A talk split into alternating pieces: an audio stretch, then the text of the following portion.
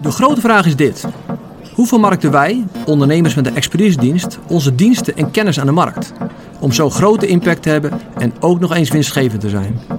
Dat is de vraag. Deze podcast geeft het antwoord. Mijn naam is Dirk Teveling en welkom bij de Expertise Marketing Podcast.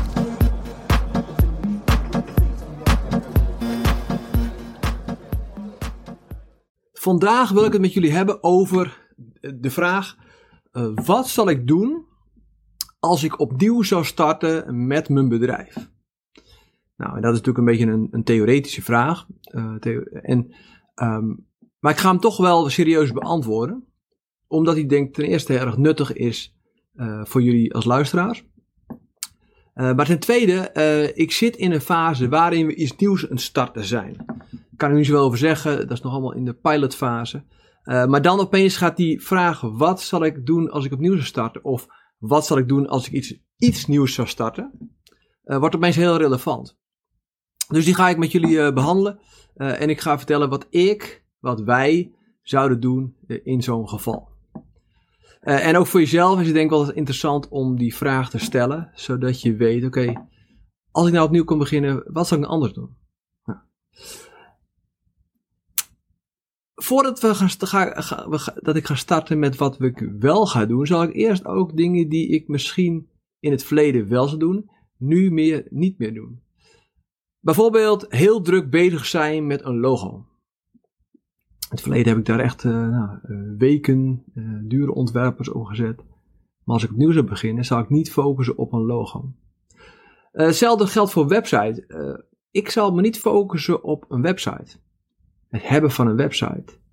Uh, want dat vind ik pas tweede prioriteit en zeker geen eerste prioriteit. Ik zal hier zo meteen in mijn verhaal zal je ook uh, zien waarom.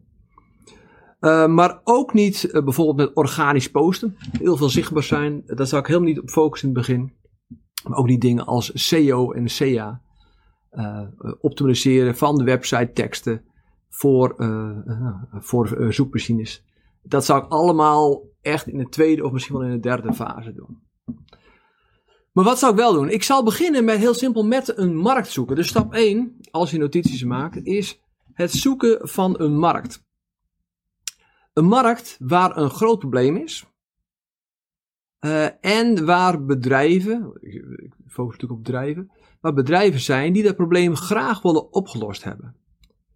Kijk, er zijn markten die, uh, waar mensen het leuk vinden om met iets bezig te zijn, maar er zijn ook markten waar echte problemen zijn. En als jij die kan oplossen, dan heb je altijd werk.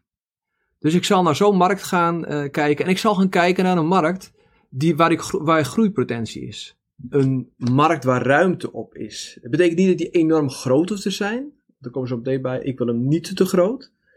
Maar er moet wel groeiruimte zijn. Uh, je moet het heel simpel soms even doorkijken. Als je een markt hebt met 100 klanten uh, en je hebt uh, eh, 30 klanten, 40 klanten per jaar nodig, uh, dan kan je, als je de hele markt al zou pakken en geen concurrentie hebben, zal je met twee of drie jaar gewoon verzadigd zijn.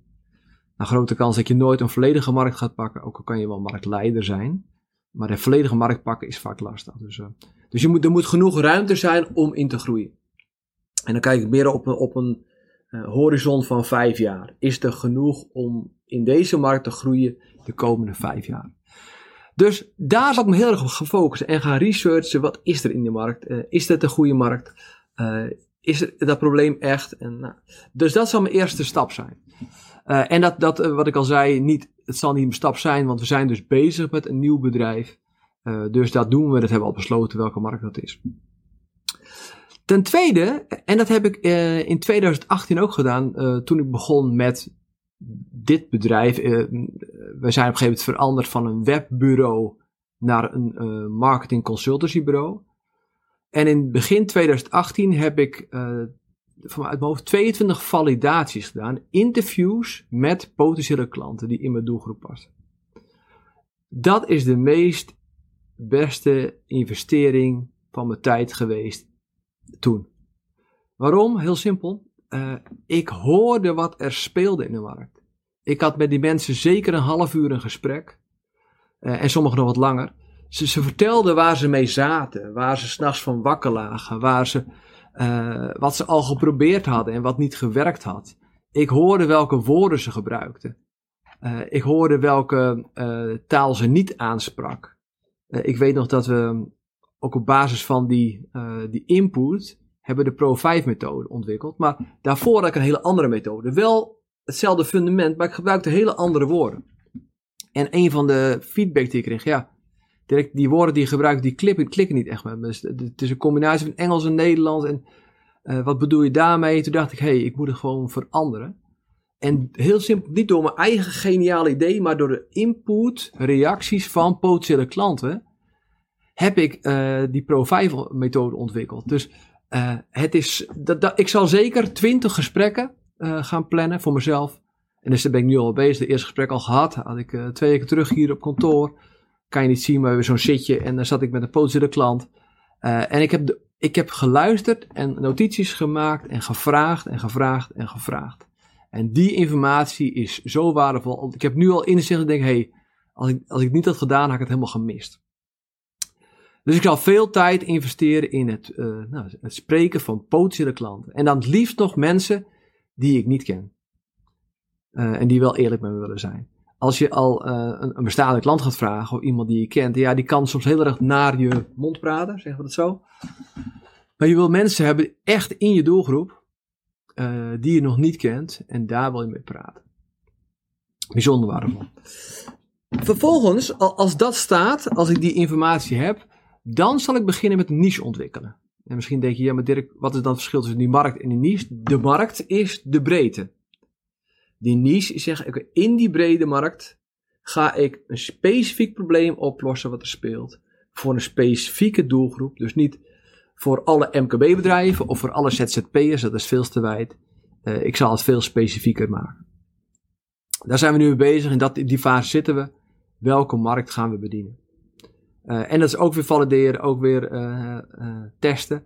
Um, maar ja, enorm waardevol om daar een niche van te maken. En het is niet alleen je kiest een niche, maar je ontwikkelt hem. Nou, daar zou ik best veel tijd in besteden, ook al weet ik ook wel dat dat een ongoing proces is. Omdat je steeds meer helder krijgt, ook als je met klanten al gaat werken, wat dan, hoe die niche eruit ziet. Dus die hoeft niet helemaal klaar te zijn. Ik zeg altijd, als je op 70% staat, dan kan je verder. Het gevaar van ondernemers is dat ze veel te veel tijd uh, besteden omdat ze het perfect willen hebben. Uh, en als ik een niche ontwikkel, dan moet ik hem daarna valideren. En uiteindelijk blijkt of, dat, of, nou, of die, dat soort bedrijven dat probleem herkennen en het ook opgelost willen hebben. Uh, en dan pas is mijn niche gevalideerd. Dus op een gegeven moment moet je ook gewoon verder. Moet je geen maanden aan doen. Moet je misschien een, een, een, twee weken aan besteden. En dan moet je verder. En dan gaat het op lijken of de niche gaat werken. En ik zeg vaak tegen mijn klanten: besteed dan, als je de niche hebt ontwikkeld, uh, ga het minimaal een jaar doen. Tenzij je op dag 1 al merkt oké, er is niemand, maar heb je je validatie niet goed gedaan. Um, ja, en, en, en ik krijg heel vaak de vraag van mijn klanten, ja, maar hoe moet ik dan kiezen? Wat voor niche moet ik dan ontwikkelen? Nou, uh, hou het heel dicht bij jezelf. Met welk, welke bedrijven vinden jullie het leuk om mee te werken? Uh, er zijn zoveel uh, sectoren, zoveel niches en er zijn andere mensen. Dus kijk, wat vind je gewoon leuk? Tweede is, waar kan je het meeste impact in hebben? Want het geeft voldoening als je impact kan hebben. Bij sommige organisaties kan je waarschijnlijk veel minder bereiken dan bij andere organisaties, andere, andere niches. En het derde is, kijk ook dat, altijd dan naar, is er geld? Hebben ze geld om, mij om jullie te betalen? Dus heel erg belangrijke drie dingen. Vind je het leuk? Uh, impact uh, is er geld. Nou, vervolgens, de volgende stap is een aanbod ontwikkelen. En een aanbod is dus niet zo, ik doe dit en dat voor je en dit kost het. Nee, je gaat een presentatie van je oplossing maken. hoe je dat presenteert bepaalt heel erg of mensen het kopen. En dat ga je niet vanuit jezelf doen, maar weer nou, vanuit die validatiegesprekken ga je die propositie bouwen. En die ga je vervolgens ook weer valideren. Heel vaak uh, hebben mensen, onze klanten, een nou, propositie ontwikkeld, een aanbod. En dan zegt Dirk, wat vind je ervan? Nou, ik zeg, ik kan daar wat feedback op geven. Dat doe ik zo ook zeker. Dat vind ik wel erg leuk om te doen. Maar ik zeg, uiteindelijk bepaal ik niet of het geweldig is. Ik zeg dat bepaal jij ook niet, maar dat bepaalt de markt.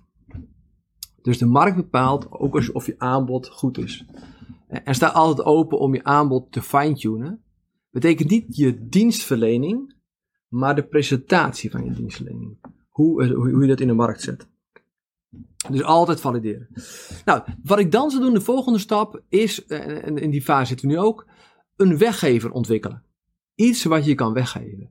En dan heb ik niet over een bedrijfsbrochure, maar iets wat waardevol voor je klant is. Uh, en als je, uh, kijk, we hebben het hier over expertise marketing.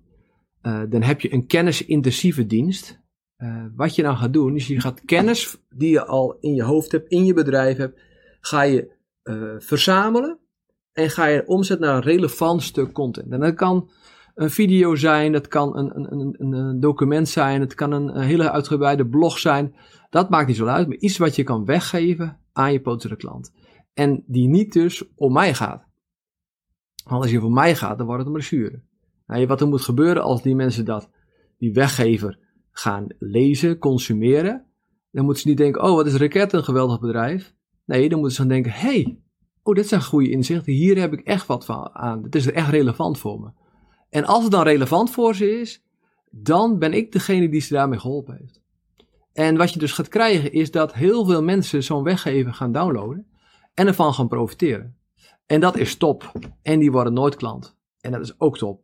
Uh, maar een deel daarvan zegt: hey, nu weet ik wat ik moet gaan doen, maar ik weet niet hoe, of ik heb er geen tijd voor, ik heb hulp nodig. Nou, en dan ben ik uh, in dat geval, als ik de weggever heb ontwikkeld, ben ik de go-to persoon waar ze naartoe gaan voor hulp.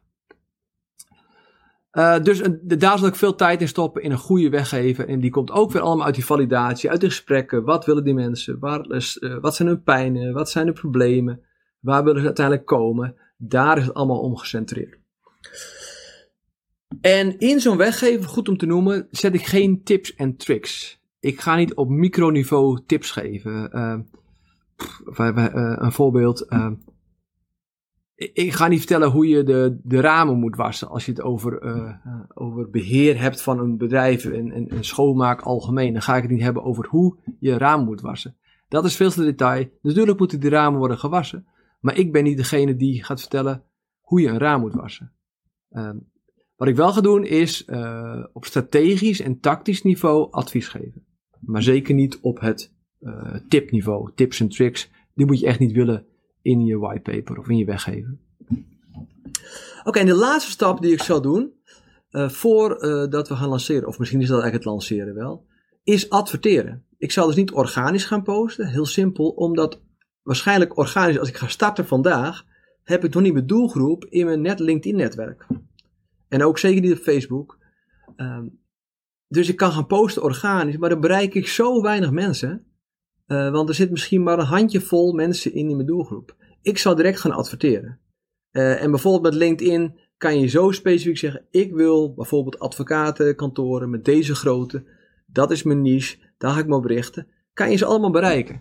Uh, en nou, ik heb even in mijn hoofd gedaan. Stel dat ik 500 euro heb. Hoe zou ik dat dan verdelen? Nou, dan zou ik 450 euro um, stoppen in het bereiken van deze mensen. Dan zou ik niet mijn eigen bedrijf promoten, maar dan zou ik mijn weggeven die ik een stap tevoren heb ontwikkeld, die zal ik gaan promoten. Nou, vervolgens, uh, niet, iedereen, uh, niet iedereen zal dat downloaden, maar dat geeft niet. Maar iedereen die of naar een videootje wil me kijkt, een advertentie, of erop klikt, of naar de website gaat, die, kan, die kunnen bij LinkedIn allemaal in een mandje worden gestopt. En die kan je dan zogenaamd retargeten. Uh, en het leuke is, stel dat ik, uh, uh, weet ik veel, 20.000 advocaten zal gaan bereiken met die eerste campagne. Ik denk wel dat het meer is, maar voor die 500 euro of 450 euro. dan zullen er misschien maar 500 een maat van interesse hebben in mijn oplossing. Of misschien heel simpel, alleen nog maar het probleem herkennen. Nou, die komen in een mandje. En vervolgens ga ik die retargeten, zodat ik mijn budget uh, niet blijf spenderen aan bedrijven die misschien helemaal geen behoefte hebben aan mijn oplossing. Of dat het nog niet urgent is. Uh, of dat het, nou, misschien komt het volgend jaar wel. Maar ik ga mijn geld investeren in die 500 mensen die warm zijn. Nou, en dat, uh, voor, die 500 die kan je voor 20 euro bereiken. Dus met die laatste 50 euro zal ik gaan zorgen dat die mensen me vaker zullen zien. En nog meer kennis krijgen en inzicht over hun probleem en over de oplossing. en zo zou ik starten. En zo gaat de boel lopen. En zo hebben we het in het verleden gedaan. En zo zullen we het weer doen. En zo helpen we onze klanten om dat te doen.